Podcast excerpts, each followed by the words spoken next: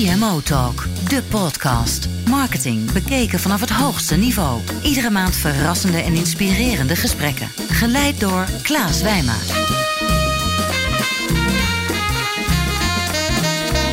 Welkom bij CMO Talk. Ik ben Klaas Wijmer van Energize en in de studio vandaag zit Martijn Rozen. En Martijn is marketing manager, de marketingbaas van Centraal Beheer, onderdeel van Achmea. Martijn, van harte welkom. Ja, dankjewel. En eh, ik, ik heb me natuurlijk voorbereid voor het interview en ik kijk naar jouw LinkedIn-foto en ik zie, wat een vrolijke man is dat. Ja, dat was nog een foto van eh, Before Children. Oh, dat was Before Children. Precies. Eh, en je hebt er één, twee? Ik heb er twee, dus eh, ik denk dat ik nog steeds zo vrolijk kijk. Alleen eh, onder de ogen zie je er wat, eh, wat anders uit. En Ja. zijn ze jong? Ze zijn jong nog, ja. Ja, dus, oh, eh, mooi. Ze zijn net verjaard, vier en eh, zeven nu. Ja, dus, eh, ja, oh heerlijk. Mooi. CMO Talk, aangeboden door Tijdschrift voor Marketing. Discussieer mee op hashtag CMO Talk. Je bent een man van de feiten. Hè? Een achtergrond eh, in marketing en marketing intelligence. Je komt ook van KPN eh, vandaan voor Centraal Beheer. En een van de interessante termen op je cv vond ik fact-based marketing. Wat is dat eigenlijk? Ja, er zijn boeken over geschreven natuurlijk. ja. Eh, nou, wat voor mij inhoudt is eh, dat je een goed begrip hebt eh, van je business. Mhm. Een goed begrip hebt van je klant. Van klantproblemen. En eigenlijk ook weet van eh, waaruit die zijn eh, opgebouwd of ontstaan. En vervolgens wil je dan een probleem op gaan lossen. En weet je dan ook waar je op moet gaan meten om te kijken of je succesvol bent, ja of nee. Ja. Dus dat is een heel breed begrip. Dus het is eh, voor mij niet alleen maar iets wat keihard in de analytics hoek eh, zit. Kan je een voorbeeld noemen in je dagelijkse praktijk? Eh, in de dagelijkse praktijk, ja, waar zou ik eens even naar kijken? Eh, bijvoorbeeld als wij kijken naar het callcenter. eh, Dan hebben we heel veel mensen eh, die tegenwoordig allemaal op NPS willen meten. Ja. Nou, ik vind dat een soort Net promoter score. Net promote score. Ja, dat is natuurlijk van hoe, hoe blij klanten zijn en of ze je aanbevelen, ja of nee. Ja. Je ziet dan toch vaak een doel-middelverhouding ontstaan. Het is een soort thermometer hoe goed, hoe goed gaat het. Ja. Maar mensen hebben op een gegeven moment alleen maar als doelstelling Hoge NPS. hoge NPS. En de vraag is van eh, of dat nou echt de allerbeste oplossing is voor het eh, probleem eh, wat je hebt. Van je kan Ja. enorm sturen op een enorm hoge NPS in je callcenter. Mhm. Maar je moet je misschien afvragen van... hè, de mensen moeten wel een enorme drempel over om een bedrijf te bellen met een Ja. probleem. Dus misschien zit er wel veel eerder iets mis dat je beter op kan lossen, waardoor mensen niet eens hoeven te bellen. En dat is het vakgebied van fact-based marketing. En dat vind ik, eh, hè, dus dat is vind ik de mooie combinatie tussen goed begrijpen hoe je bedrijf in elkaar zit en eh, waar je kosten zitten en je je verdiensten. Aan de andere Ja. kant de klant begrijpen. Waar zitten nou eigenlijk de drivers of de barrières voor, eh, voor gedrag? Ja. En dat, dat zit ook een beetje in mij. Dus ik, ik zeg altijd, ik ben een Zeeuwse psycholoog. Ja. Ik wil altijd heel graag weten waarom mensen doen wat ze doen. Aan de andere kant, de zeeuw in mij zeg ik altijd maar is gekscherend. Die wil ook weten als er een euro in gaat, hoeveel komt er dan uit? En die mooie eh, combinatie maakt het, eh, het vak, denk ik, jou marketing. interessant. Ja. Want een eh, Zeeuwse psycholoog, want je hebt economische psychologie gestudeerd. Is dat ja, correct? Ja, dat klopt. Ja. Dus die combinatie tussen met name het menselijk gedrag. precies. Ja. het is natuurlijk fascinerend waarom je Heineken kiest en geen Grols. Het Ja. hele vakgebied van neem je nou snel de beslissing of niet? En welke mensen nemen risico en welke Hmm. niet? En waar ligt het dan aan? En welke situaties wel en niet? Nou, dat vind ik fascinerend. Mooi. Ja. Ehm, je komt van eh, KPN, gaf ik net al aan. Was het een grote culture shock om van... ja, ze zijn allebei groen natuurlijk, maar... Ja, Ja, dat was- hè, dat was dat ook, was al het enige. Dat was ook wel het enige. Vertel. Ja, dat was echt eh, een mega eh, shock. Ja? Eh, mentaal dacht ik ook van, nou, je kent de marketingbegrippen, je kent, weet Ja. ongeveer hoe bedrijfsvoering gaat. Dus, nou, businessmodellen begrijp je ook. Maar daar heb ik echt ervaren van wat een andere industrie en een andere cultuur echt betekent. En, zo. En in het begin liep ik daar ook echt bijna op stuk ook. Wat dan? Wat was dat dan? Nou, ik had eh, vanuit de KPN-school ben je heel strak getraind in eh, wat wij noemen PL-management. Ja. Dus eh, precies weten voor een, eh, hoe je, je je kostenbalans eh, en je balanssturing eigenlijk in elkaar zit. Mhm. En dan was elke marketeer wist dit gewoon. En daar lag ook de verantwoordelijkheid om rendabele groei te creëren. lag gewoon bij marketing. En ik kwam in een wereld waarin eh, ik dacht, nou, een financiële dienstverlener, die zal hè, de financiële sturing nog wel strakker op orde hebben dan een telecom-operator. Ja. Dus die zullen wel helemaal begrijpen hoe dit eh, gaat. En dat was toch wel eventjes een, eh, Van een koude wake-up eh, eh, effect. Hè? koude dus, kermis dus dat was denk ik eh, de ene keer dat je denkt, hé, wat gek. En de andere kant eh, heb ik ook wel heel veel geleerd over de waarde van gewoon eh, verbindingen met mensen samen gewoon een, een doel willen bereiken voor je klanten. Ja. denk misschien een mooi voorbeeld was uh, een van mijn eerste kennismakingsgesprekken ook binnen Centraal Beheer. Sprak ik een directeur. Een van zijn openingszinnen was van, hey, hoe gaat het met je? En mijn eerste fysieke reactie was, oeh, uh, wat is er aan de hand? Heb ik mijn uh, targets niet uh, onder controle? dus dat was mijn KPN-reactie. Ja. Ja. Terwijl deze beste man gewoon oprecht geïnteresseerd was hoe het met me ging. Mooi. Dus ik moest dat echt, ja, ik gebruik dit voorbeeld vaker, maar dat was voor mij echt een kantelpunt. Ik, hier moet ik echt eventjes een andere stijl gaan adopteren om uh, succesvol te zijn en ook uh, dit bedrijf uh, waar kunnen toevoegen dan het voortzetten van wat je denkt dat de goede manier is vanuit een andere industrie. Precies. Ja, we ja. kennen allemaal wellicht wel de, de situatie in het jaarlijkse beoordelingsgesprek waar alle energie uitloopt als de zin begint hoe vind je eigenlijk zelf dat dat is gegaan? Ja, dan weet je eigenlijk al hoe laat dat is. Ja, nee, ik begrijp, veel menselijke cultuur. Veel menselijke cultuur. Maar en, op uh, finance minder strak aangestuurd? Dat viel mij dan ook op. Hè? Mm. Dus het was uh, fantastische, oprechte intentie om gewoon mensen uh, heel goed te servicen. Ja. Oprecht ook heel goed willen doen voor, voor Nederland. Oplossingsgericht, hè? Een van de kenmerken. Ja, ja. Nou, het is echt fantastisch. Ja, ik, ik zou zeggen, wij wensen iedere klant bij ons wel eens een keer schade. Omdat je dan pas ervaart hoe goed uh, onze mensen en ook hoe oprecht ook om mensen eigenlijk willen helpen. Ja. Uh, dus dat was fantastisch. En aan de andere kant, uh, op het gebied van, ja, als we daar ergens nou een euro investeren, hoeveel halen we daar dan voor ja. de firma uit? En zijn alle dingen die we doen nou wel het allerbeste wat we mm. kunnen? Daar ontbrak nog wel het een en ander. Ontbrak. En toen kwam de fact-based marketeer Martijn Rozen binnen. Ja, en dacht, dus, uh, hey, er is een hoop te doen. Dat is een, uh, zeker een hoop te doen. En ja. zo. En, uh, ja, wat, heb je, wat heb je gerealiseerd in die vier jaar? Wat is een wapenfeit die je wilde delen? Ja, kijk, als bedrijf zaten we gewoon vier jaar geleden niet zo goed bij. We zaten gewoon in, in krimp. En dat was natuurlijk raar als je mm. een fantastisch merk hebt als centraal beheer. Ik bedoel, toen ze mij kwamen vragen, dacht ik, ik had al die commercials in mijn jeugd gezien. En ja. dacht, oh, wat, wat cool. Ja. In een markt die gewoon volledig naar online en direct gaat. En in een marketingorganisatie waarvan ik denk, nou, dat is vergeleken met KPN geen klein clubje. Nee. Dan is het heel vreemd dat zo'n club in, in krimp zat. Mm. Dus dan moet je ook echt gaan kijken van waar ligt het dan aan en zo. En dat denk ik dat de ja. fact-based man in mij twee dingen doet. Is de diagnose stelde van wat is hier echt aan de hand. Hè? Ja. Is het een marketingprobleem? Ja. Is het een skillprobleem? Of is het, ligt het ergens anders? En ik heb eigenlijk met het team de hele transformatie snel gemaakt. Van, hè, meer van een taakgestuurde marketingorganisatie, denk ik. Zoals meerdere van mijn collega's, ze nog wel van vier jaar terug zullen herkennen dat iedereen wel de transformatie heeft gemaakt van we moeten weer terug naar ondernemerschap, samen mensen aan één doel gaan laten werken. Ja. Maar dat betekent ook dat je als uh, manager of leidinggevende -hmm. een andere rol moet aan gaan nemen. Je moet ja. niet de slimste zijn van het stel, nee. want dan wordt iedereen gemiddeld zo slim als jij. Ja. Maar je moet eigenlijk talent uit je team uh, vrij gaan maken en maar, faciliteren. Gaan. Maar hoe doe je dat nou? Hè? Want het klinkt allemaal heel mooi, het ondernemerschap weer terugbrengen. Maar met, in zo'n grote organisatie met, met zo'n grote sales- en marketingmachine. Hoe doe je dat? Waar begin je? Ik denk dat je daar wel uh, learnings meeneemt vanuit een uh, vorig bestaan. Hmm. Ik ben eigenlijk uh, gestart met niet met het hele team meteen om te turnen, maar een klein groepje daarbinnen. Ja. En daar heb ik eigenlijk gekeken van waar kan ik eigenlijk op korte termijn hmm. met een andere manier waar ik snel resultaat weer. Dus nou, degene die over grote klantenbases beschikken, weet dat als je in, met dark marketing of cross-sell, dat je vrij snel een leuk resultaat kan hebben. Want je, je ja. stuurt iets uit en eigenlijk weet je binnen een week of twee weken of je succes hebt, ja of nee. Ja. En ik heb eigenlijk met een klein clubje, uh, multidisciplinair teamje hebben we dan opgericht. Heb ik zelf ook meegewerkt van hoe gaan we nou volgende maand gewoon uh, x miljoen extra binnenhalen. Kom maar met uh, de meest bizarre ideeën en kijk maar hoe je dat doet. En laten we testen. Laten we testen. En ik ga gewoon zorgen dat alles wat jullie zeggen, ja, maar dan heb ik dit nodig. En geld en mensen. Mhm. En, maar dan moet Pietje van die afdeling meedoen. Ik zeg, dat is mijn werk. Ja. Dat ga ik doen. En zo bouw je richting je team vertrouwen op. En het team krijgt zelf succes. En wat voor project was dat? Kan je dat delen? Ja, dat was, uh, het, heette, het project heette Fijnmazig. Hè. Dat, ja. is, dat vind ik ook al, de terminologie is al heel anders binnen een Achmea dan ja. in een, uh, in, in, in, een KPN. Uh, die, daar hebben we een cross-sell programma opgericht. En, dus we hebben eigenlijk heel eenvoudig hebben gezegd, ik wil volgende maand gewoon een miljoen extra ook gewoon psychologisch dus makkelijk. Heb je een woonverzekering, moet je ook niet die autoverzekering, moet je dan daar... Denk daar maar aan, hè. Ja. En, uh, of een, een, bijdekking op je auto. Ja. Of ja. uh, verzinnen maar hoe je het uh, zou willen doen. En daar begon, het kan natuurlijk, het team wist natuurlijk donders goed wat er allemaal nog meer zou kunnen. Ja. Maar die waren eigenlijk tijdenlang gewoon ja, aangestuurd als doe maar een autocampagne. Ja.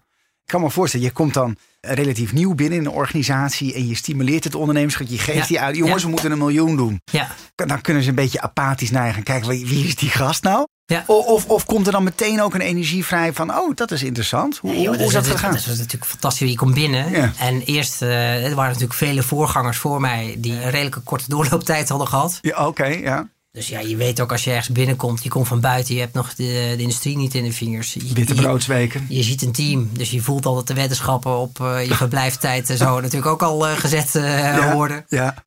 Je vliegt er natuurlijk eerst in met een soort KPN-stijl van Ja. zo gaan we de tent hier besturen. Dus daar ben ik ook knetterhard eh, tegenaan gelopen. Ja.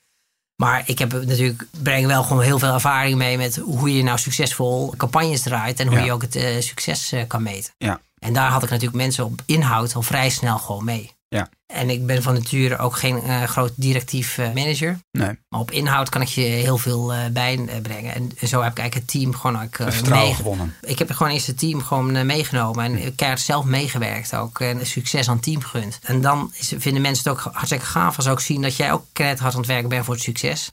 Dat creëert verbinding. En, eh, ja, en als dan het team zelf successen mag gaan vieren, dan wil iedereen dat ook. Willen mensen dat ook? En Ja. toen kwam het eigenlijk al heel snel dat, dat meer onderdelen van je team op die manier willen gaan werken. Nou, die support je ook allemaal. Die Ja. krijgen ook podium. Ja. En je krijgt vanzelf een soort tractie in je organisatie. En ja, en toen kwamen we ook vrij snel uit die, uit die krimp eh, terug. Dus we kregen resultaat, zelfvertrouwen. Dus meer mensen willen op die manier werken. Meer podium. Ja, en dan, dan zit je, kom je dus in de flow dat eh, je directie je met rust gaat laten. Die denken van, Het is onder het controle. is onder controle. Die gaat goed. ja, ja. Hè? En, eh, En nu, nu groei? en nu net harde groei. Ja. Ja. Knetterhard, dan praat je over hoeveel Nou, dat procent? we echt, eh, laat ik zeggen, ongeveer acht keer harder groeien dan de markt. En dat is echt extreem hard. Ik denk in de historie van Centraal Beheer ook nog nooit zo gegaan ook. Dus daar zijn we ook echt heel trots op. En hoe verklaar je dat door die kleine teams die jullie Het is, eh, het is groot door, de, hè, dus door die kleine teams, het ondernemerschap wat er echt eh, in zit. Dus eh, wat in de telecom heel gebruikelijk is. Hè. Dus als je iets achter ligt in target, dat je meteen hup, Ja. spot on eh, weer zit. Om, eh, dus het is scherp op die bal eh, zitten. En ondertussen eh, wel de balans blijven houden met waarde voor je klant blijven bouwen. Nieuwe Ja. oplossingen neerzetten. Dus ook ruimte houden om, om daarop gewoon eh, te blijven investeren. Van praktische tips tot visie. Dit is CMO Talk. We gaan naar de eerste stelling. Een goede hypothese verhoogt je IQ met 80 punten. We Nou ja, blijven binnen Ja, fact-based. precies. Nou, dat, is, dat is fantastisch. Maar je weet natuurlijk, als psycholoog kan ik zeggen dat een IQ redelijk eh, vast ligt. Hè. Over tijd misschien enigszins schommelt. Ja. Dus een hypothese gaat dat helaas voor sommigen van ons eh, niet eh, helpen. Maar het is wel een terechte stelling dat als je van tevoren niet weet wat je gaat doen, Hmm. Het heel erg eh, moeilijk wordt om je succes eh, te meten. Ja. En dat zie je wel vaak gebeuren als mensen iets doen. Er gebeurt iets, dan is de definitie van succes wordt eigenlijk aangepast aan de uitkomst. Ja. En dus ik denk dat je jezelf wel moet dwingen om vooraf goed te bepalen wat je denkt dat eruit komt. Ja. Om, en dan vervolgens ook te leren of dat ook echt wel eh, uitkomt. Dat is wel mooi, hè? want nu, nu zitten we ook weer in het begin van het awardseizoen. De Effies zijn net Ja, geweest. ja. En eh, eh, daar zie je dat eh, af en toe ook wel. Dat je, dat je zegt van nou, je zit je naar een case te kijken. En denkt van hé, hey, dat is toch een beetje reversed engineering. Dat resultaat komt is- dan toch zo goed uit. Want insightjes ja, erbij natuurlijk. Ja. Als een marketeer moet vertellen hoe effectief een campagne is geweest, ja, dan Ja. komt ons vak ook op andere fronten naar boven, denk ik. Ja. Dus. Terwijl ik denk dat heel die zaal eigenlijk hetzelfde gevoel heeft en eigenlijk ook wel weet van nou, sommige dingen denk ik van zijn mooier verteld dan ze misschien echt zijn. En ik denk dat dat ook een grote valkuil is voor elke marketeer in een bedrijf. Is dat je ego ook soms ietsje groter is dan eh, je daadwerkelijke impact. Dat is ook een mooie stelling. Hebben marketeers grotere ego's dan bijvoorbeeld eh, operations mensen? Ik- Dat kan ik niet beoordelen, maar eh, ik kan in ieder geval over marketeers en over mezelf. Dat je soms ook wel denkt van, goh, ik heb dit al zo vaak gezien. Ja. I've got this, laat mij maar. Of je, je- toch vanuit die ervaring denk je van, eh, ik weet wel hoe het eh, zit. Ja. En je hebt ook altijd de neiging om altijd alles te willen veranderen. En dat, is, dat merk ik ook bij ons in onze campagnes ook. En Mm. zo, we hebben elke keer zie je weer iemand anders van iets fantastisch doen. Dan denk je, wij moeten ook, wij moeten ook. En eh, het is best lastig om de balans te blijven vinden tussen echt slim innoveren Ja. of iets cools doen. Of vasthouden aan dingen die gewoon bewezen succesvol zijn en zo. En ik denk dat je toch af en toe even afstand moet nemen van je ego. ja. Kijk, waar zijn we mee eh, bezig? Waar zijn we echt mee bezig? Ja. Ja. Je gaf net al aan, ik wens je eigenlijk iedereen wel een schadegeval toe bij Centraal Beheer. Want wij zijn gewoon mega oplossingsgericht. En Jullie staan dag en nacht voor klanten klaar. Althans, dat is de claim ook op de website. Het marketingverhaal. Ben je s'nachts ook wel eens eh, uit je bed gesprongen om een klant te helpen? Vraag ik me dan af. Ja, ben niet rechtstreeks aan de telefoon, dat moet ik echt eerlijk bekennen ook. Hè. Maar Ja. eh, hebben wij nachten doorgehaald om eh, systemen klaar te krijgen of eh, dingen klaar te krijgen voor onze klanten. Ja, zeker. Dus, maar dat, zit- dat zit ook echt gewoon in het bedrijf. Dat is echt Ja. Eh, heel mooi om te doen. We, we doen ook elk jaar eh, weer twee tot drie events waar we, klanten uitnodigen om hun eh, kleine deukjes uit te De kleine deukjesdagen. Ja, precies. Vertel eens voor de mensen die het niet kennen, want dat is toch wel Ja. een groot geheim. Het is een groot Ja, geheim. ja. Ja. het is nog niet zo bekend als de Doldwaals donderdagen. Ja, zo, hè, maar de kleine deukjesdagen mogen, mogen er zeker ook zijn. Ja, En daar nodigen wij klanten van ons uit om gratis en voor niets die kleine deukjes waar je elke dag tegenaan zit te kijken in je portieren. En je denkt, mm, ja. gratis komen te laten uitdeuken. Ja. Mensen denken, oh, dat is dan een klein tentje waar ik terecht kom waar dat gebeurt. Maar Ja. dan eh, hebben we gewoon heel rij eh, gewoon vol. En staan gewoon eh, alle herstellers die je maar kan vinden van over de hele wereld die dit kunnen. Die staan daar. daar. De grote kleine deukjesdagen. De grote kleine deukjesdagen. En het gave is, dat doen we eigenlijk allemaal met onze eigen mensen ook. Dus van callcenter tot directie, van marketing tot bijna de conciërge aan toe. Staan we daar ook allemaal om gewoon onze klanten te helpen. Eh, ook, Maar dat is alleen voor klanten. Dat is eh, alleen voor klanten. Ja, En zou het niet mooi zijn ook om dat voor niet-klanten te doen? ja Hebben jullie erover We nagedacht? hebben er wel eens over nagedacht. Hè? Van kan je dit ook eh, groter neerzetten en laten zien aan eh, niet-klanten van Ja. wat, hoe waardevol dit is. Dan wordt het al vrij snel, hebben we gemerkt, hè, toen we dat deden, ook eh, een soort salesachtig Ja. stuk. En ik vind juist in de waardering voor je eigen klanten ook, want laten zien, voor u doen we iets extra zo, eh, zit heel veel waarde in. Een bewuste keuze. En bewuste keuze, maar ook heel veel trots in je organisatie. Het werkt Ja. gewoon alle kanten op fantastisch. Ruim 30 jaar voeren jullie dezelfde Ja, lijn van de commercials. Even Apeldoorn willen, nog steeds. Nog steeds. Eh, en daar wordt ook nog steeds wel eh, goed op ingezet. Ja. Werkt dat echt voor jullie? En blijft dat werken ook in deze huidige tijdgeest? Ja, dat is, dat is ik denk, eh, het construct werkt nog steeds. Hè, want het is, eh, dus ik denk dat twee elementen in zitten die gewoon het ijzer sterk maken. Waar je ook je ego overboord moet zetten en zeggen, ik ben dienend aan dat merk. Eén is eh, dat even Apeldoorn bellen. Is veel groter dan een telefoon. Hè? Mhm. Het straalt uit van bij ons kan je terecht direct menselijk contact en we gaan het voor je oplossen. Dat zit er helemaal in. En het hele construct van Even Apeldoorn bellen is puur natuurlijk op het Nederlandse leedvermaak eh, gestoeld. Wij als eh, een beetje Calvinisten vinden het toch prachtig als er een, eh, een dreigende disaster voor iemand anders eraan komt. Ja. Dan kunnen wij er toch allemaal heel hard om lachen. Ja. En, en, En dat construct werkt heel goed. Ik Ja. denk wat we de afgelopen periode al veel meer hebben toegevoegd natuurlijk. Is, vroeger was het commercial, wachten tot de telefoon rinkelt. ja. Ja, dat is natuurlijk eh, totaal anders in deze tijd. Hmm. Want eh, je ziet eh, denk ik in al onze commercials veel meer al de elementen van de producten die dichter bij onze dienstverlening eh, zitten. Ja. En eh, zoals het bij ons allemaal zit, prachtig doorvertaald. I can even unlock my, car. Precies. Ja, nou, hem, ja. nou, dat is briljant Ja, ook. hè. Want ik kreeg zelfs nog een belletje over van BMW. Fantastisch was Ja, dat. Ja. Eh, Oh, vertel. Ja, Hoe ging nou, nou, kijk, ja, dat moest iemand mij schoorvoetend opbellen. Dus, eh, dus eh, die, die had een belletje gekregen vanuit het buitenland. Als de hoogste marketingbaas of zo van BMW had gebeld naar Nederland. Wat gebeurt hier? Want hier wordt gesuggereerd dat die prachtige BMW zomaar met een app open te maken zou zijn. Ja, oh, ja. Die hadden al belletjes gehad van klanten van waar kan ik die app downloaden en zo. Dus fantastisch ook hoe dat werkt. Ja. Dus die moest dan maar aangeven dat Centraal Beheer dit soort commercials niet meer eh, mo- mocht maken. En hoe ga je dan daarmee om? Nou, toen heeft hij mij gebeld. We hebben met z'n tweeën keihard even Gelachen. gelachen. Ja, precies. Omdat- Even off the record. off the record. Omdat wij natuurlijk ook snappen van...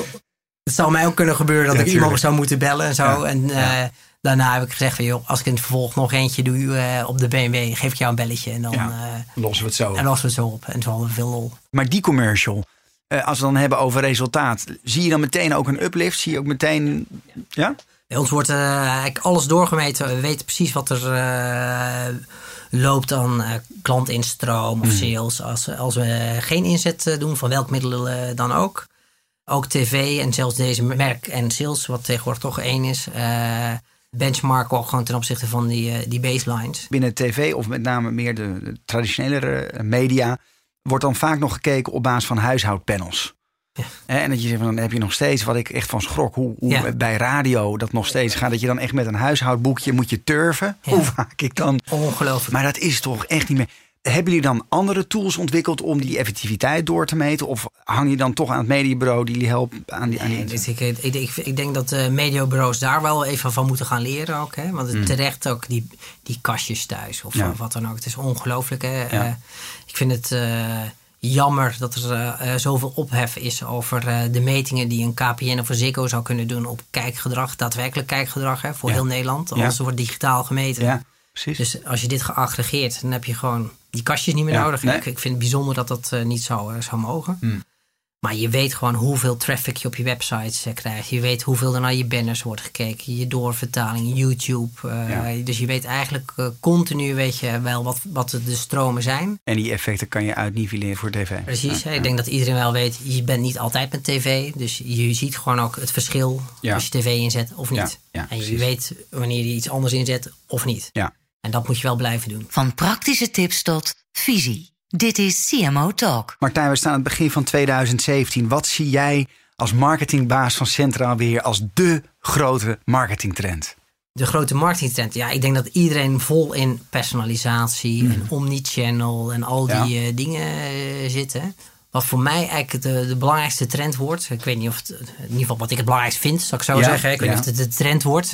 Is dat we toch echt weer terug moeten gaan naar de, de klant. Van hoe leveren we nou gewoon maximaal waarde voor de klant. Ja, En dat vind ik ook in mijn bedrijf vind ik dat heel belangrijk. Omdat je, je kan zo verdrinken in feitjes, rapportages, digital. eh, al die kreten die we allemaal, allemaal hebben. ja, Maar het gaat eigenlijk nog steeds over eh, dat jaren. 80 mandaat. eh, Ja. Van eh, juiste boodschap. In ieder geval de juiste actie met de klant op het juiste moment en het juiste kanaal. Je moet daar weer echt naar terug. Van hoe bedien je klanten nou gewoon fantastisch? En hoe creëer je nou eigenlijk gewoon meer blije klanten? Ja. Dat is eigenlijk denk ik de, de simpelste vraag. zonder je blind te staan op de NPS. Ja, zonder je blind te staren op die NPS. En zonder je ook blind te staren op al die nieuwe techniek die eraan komt.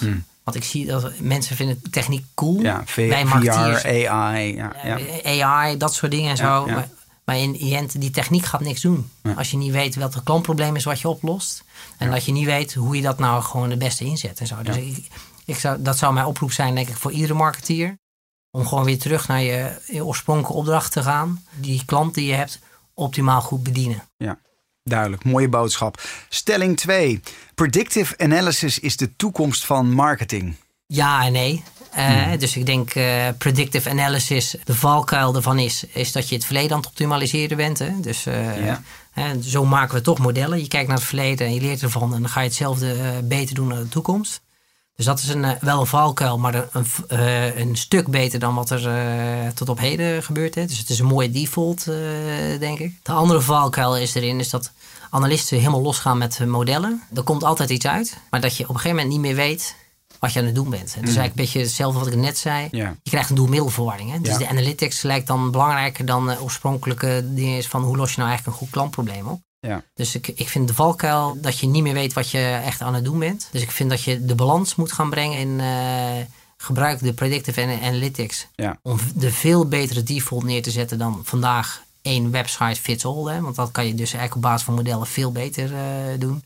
Maar vergeet niet wat nou eigenlijk oorspronkelijk probleem is. En blijf daarop innoveren. Dus die combi is wel eh, belangrijk. Is belangrijk. Ja. Ja. Tex Gunning heeft eerder in CMO Talk gezegd... Ja, spreadsheet marketing overheerst in Nederland. Dat is eigenlijk toch wel een zorgelijke ontwikkeling. We zouden eigenlijk veel meer op onze intuïtie moeten bouwen. Ja, ja. Ben je het daarmee eens? Ik denk dat je intuïtie absoluut niet moet uitvlakken ook. Hè. Dat, is, eh, je gaf bij de introductie aan, je bent een fact-based man. Hè? Hmm. Ja. ja en dat, eh, ik hou ook inderdaad van cijfers. Maar dat betekent niet dat je alleen maar naar het verleden moet kijken hoe je dat beter kan doen. Ja. Zo creëer je geen vernieuwing. Dus Hoofd en hart. hoofd en hart. En ik denk dat je, eh, wat, wel, wat ik wel een toevoeging vind... Intuïtie is geen vrijbrief om maar dingen te doen. Dan kom je toch weer terug van... eh, het is heel goed als je denkt van hoe de wereld in elkaar zit. Maar denk dan eh, hoe je dat eh, ook kan meten... dat het ook daad- daadwerkelijk zo is. Ja, helder. Hoe belangrijk is het voor je als marketeer om af en toe eens ook uit je eigen bubbel te stappen en in andere werelden te begeven? hè? Vanaf een bepaald niveau kan ik me ook voorstellen dat het niet meer haalbaar is. En je hebt natuurlijk de verplichting, je moet een team aansturen. Ja, ja. ook, ook voor jou specifiek natuurlijk gezien je verantwoordelijkheden. Maar hoe belangrijk is dat nou eigenlijk? Ja, enorm. Eigenlijk mezelf eens de luxe gegeven dit jaar... om weer eens eh, een week lang gewoon een, een cursus eh, te volgen. En dan zit je toch weer met je peers... gewoon weer eens een keer Ja. helemaal een week lang... op een totaal ander onderwerp. Mhm. Welke cursus is dat? Nou, het was prachtig eh, on, eh, ondernemen in een groot bedrijf. Dus ik denk dat het volgens mij een vraagstuk is wat er velen van ons bezighoudt. In ieder geval, het was druk bezocht, dus dan denk ik dat Ja. het ook eh, zo is. Maar dan krijg je dus invalshoeken vanuit telecom terug. Of vanuit totaal andere industrieën. Iemand zat in de, in de kledingindustrie of van Adidas of, of wat dan ook. Toen ik zo'n week lang helemaal eh, alle verschillende invalshoeken weer had. En ook met mijn peers kon challenge van... eh, hey, hoe gaat het bij jou nou eigenlijk? eh, kom je toch opgeladen en met totaal andere inzichten weer gewoon weer. En, en wat zijn dan die inzichten? Nou, ik denk een bevestiging dat je sommige dingen heel goed doet. Als eh, dat multidisciplinair werken en dat ondernemen. En digital, dat doen we zo slecht in Nederland niet hoor. Als ik dat een beetje wereldwijd vergelijk. Maar ook weer terug. Wat voor mij, dus wat ik er net weer heel stoer riep, geldt ook voor mij. Dat ik eigenlijk weer nou, op totaal andere manier ben gaan kijken. Wat is nou eigenlijk het probleem, een klantprobleem wat ik aan het oplossen ben Ja. omdat je uiteindelijk, ik merkte weer zelf, ik ben toch vaak, als je dan na eh, vier jaar, zit je nog steeds eh, in hetzelfde stramien te denken van de ingrediënten die dit bedrijf heeft, Mm. die moet ik zo boetseren dat dit de oplossing is voor die klant. Ja. En als je weer met die vrijheid in je hoofd terugkomt, maar hé, hey, maar het probleem is dit. Er zijn veel meer mogelijkheden om dit eh, op te lossen. Ja. Krijg je dus ook een veel frissere blik op waar je eigenlijk naartoe zou moeten. Ja. En ook waar je op zou moeten innoveren. En ook weer eh, gewoon voor, naar je team toe krijg je weer nieuwe perspectieven. En dat heb ik eigenlijk mee teruggenomen. Mooi. Wat is binnen Centraal Beheer op dit moment op digitaal gebied de grootste stap die jullie willen gaan zetten? Eh, de grootste stap, wij zijn vol in de personalisatie en omnichannel eh zitten wij. Dat is eigenlijk een heel logische stap. En ik denk dat hier een heleboel van eh, mijn collega's datzelfde hebben. We hebben de afgelopen jaar een fantastische stap gezet per kanaal. Dus het callcenter doet het geweldig. Het online kanaal doet het geweldig. Hoe werkt dat dan? Stel, je, bent een bestaande klant en je hebt al een autoverzekering en een woonverzekering bij ons. Ja, dan is het wel heel vervelend dat je elke keer als je op de homepage komt, elke keer die banners van eh, koop een woonverzekering of eh, pak die Ja. autoverzekering. Dat is Ja. de meest platte variant. hè. Ja. Maar als je dit verder gaat nadenken van hoe kan je een klant zo relevant mogelijk bedienen, moet je ook denken als, van, als een klant online aan het zoeken is van adreswijziging Mhm. en hij moet helaas toch nog bellen. Dat je dan niet een IVR hebt van druk 1 voor autoverzekering, 2 dingen. Daar staat 1 gewoon meteen. eh, druk Juist. 1 voor eh, adreswijziging. Want dan ga je ook Ja. met die kennis die je hebt van die klanten, maar ook veel beter bedienen. En, Ja. en het- dat gemak van bediening, eh, dat willen we eigenlijk zo ver mogelijk in alles doorvoeren. Uitbouwen. Ja. Stelling 3. Te weinig managers zijn systematisch bezig met het trainen en verbeteren van hun intuïtie.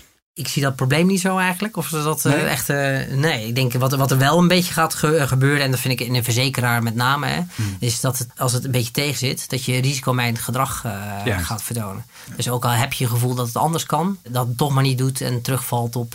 nou, als ik dit doe, loop ik geen enkel En hoe risico. komt dat dan? Heeft het dan te maken met, met, met hoe mensen beoordeeld worden?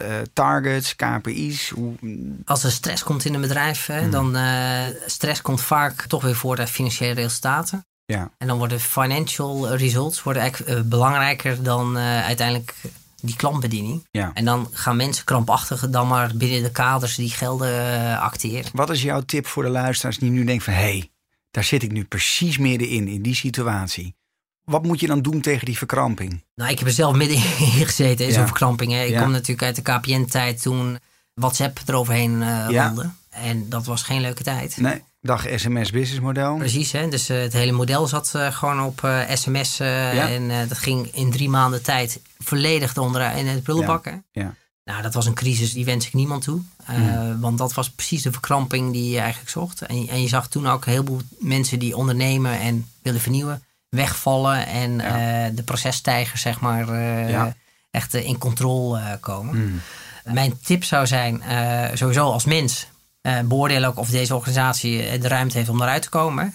Ja. Ja. Ja. de-. Dus u maakt de keuze van, ja, als het nog te redden valt, zou ik zeggen, je intuïtie omzetten in een hypothese. En laten zien dat wat je doet gewoon werkt. Want dat blijft iedereen altijd naar zoeken ook. Het is ook zelfs in een crisis zoeken mensen nog steeds naar nieuwe dingen die, verschil gaan maken Ja. en zo. En ik denk degene die dit kunnen en dit durven, ook weer de nieuwe leiders worden in zo'n bedrijf. Verwacht je dat je over tien jaar nog steeds in dit werkveld actief bent? Ja, of werk je dan bij de politie? Daar heb ik ook al eens over nagedacht hoor. Ik Ja, vind dat, dat eh, zou me niks Ik, verbazen. ik vind het, eh, ik- ik- ook daar zie ik zo'n enorm probleem. hè. Intelligence, ja, Intelligence, nou ik zeg het dan hoor. hè. Dan kan je, de wereld helemaal beter maken. hè. Dus dat zou ik ook wel eh, fantastisch eh, vinden. Dus nee, ik heb geen idee. Ik vind het eh, hartstikke leuk. Want ik, ik blijf heel graag eh, leren ook. Hè. Uh, maar ik vind ook ons uh, vakgebied is zo in ontwikkeling nu. Ja, ik, ik, ik, voel me ook niet meer zo marketeer. Want ik ben net zo druk bezig met hoe een incasso-stroom zou moeten lopen. Als uh, hoe mensen de telefoon opnemen en zo. Dus ik heb de luxe dat ik vind dat de rol zo breed wordt. Dat je eigenlijk met alle facetten van het bedrijf ja, mee kan bemoeien. En iets van kan vinden. Ja. En dat je gewoon een voortrekksrol hebt richting klant. Dus ik vind dit fantastisch. Of, dan, of dat nog marketing heet, entrepreneur, weet ik veel. Of. IT'er, het maakt mij allemaal niet uit hoe je het noemt en zo. Maar ik, ja, ik vind nog wel steeds zo gaaf dat ik wil blijven leren. Dus ik zal altijd in een of andere hoedanigheid in deze content en deze dingen zitten. We zijn aan het einde gekomen van het interview. Toch nog één vraag, eh, Martijn. Wat, wat is jouw tip voor Marketing Nederland die op dit moment aan het luisteren is, gezien de huidige stand van zaken binnen, binnen marketing? Wat is jouw wijsheid die je mensen wil meegeven? Nou, trap niet in de valkuil dat één route de oplossing zou zijn. Hè? Hmm. Dus fact-based marketing is uh, heel erg naar de analytics kant. Ik denk intuïtie en uh, op gevoel uh, is weer een heel ander uiterste. Ik denk dat mensen niet voor niks zijn gemaakt met beide facetten in zich. Ik denk elke keer maar gewoon die balans blijven zoeken en elke keer maar blijven zoeken naar de oplossing voor het klantprobleem. En daar vrij blijven denken in hoe je dat nou het beste doet. En dat lijkt mij de tip voor zowel ondernemerschap als uh, ook de meest creatieve campagnes die je maar kan verzinnen. Zou marketing wat meer uh, yin-yang moeten zijn? Ja, ik denk net als mensen ook yin-yang uh, zijn. Ja. Dus ja, we proberen het alles te segmenteren en hokjes te duwen. En blauwe types en gele types en zo. Ja, iedereen heeft met alles te maken. Dus ik zou mensen op prachtige term weer holistisch willen. Prachtig. Dat vind ik een mooie afsluiting. Dankjewel Martijn Rozen voor CMO Talk. Uh, luisteraars, dank voor het luisteren. Dit was hem weer, CMO Talk. Uh, heb je vragen? Um, je kan me bereiken op hashtag CMO Talk of klaas.energize.nl. En dank voor jullie aandacht. Dank voor het luisteren naar de CMO Talk podcast. Ga voor meer afleveringen naar cmotalk.nl. CMO Talk wordt aangeboden door Tijdschrift voor Marketing en is ontwikkeld door Energize en voicebooking.com.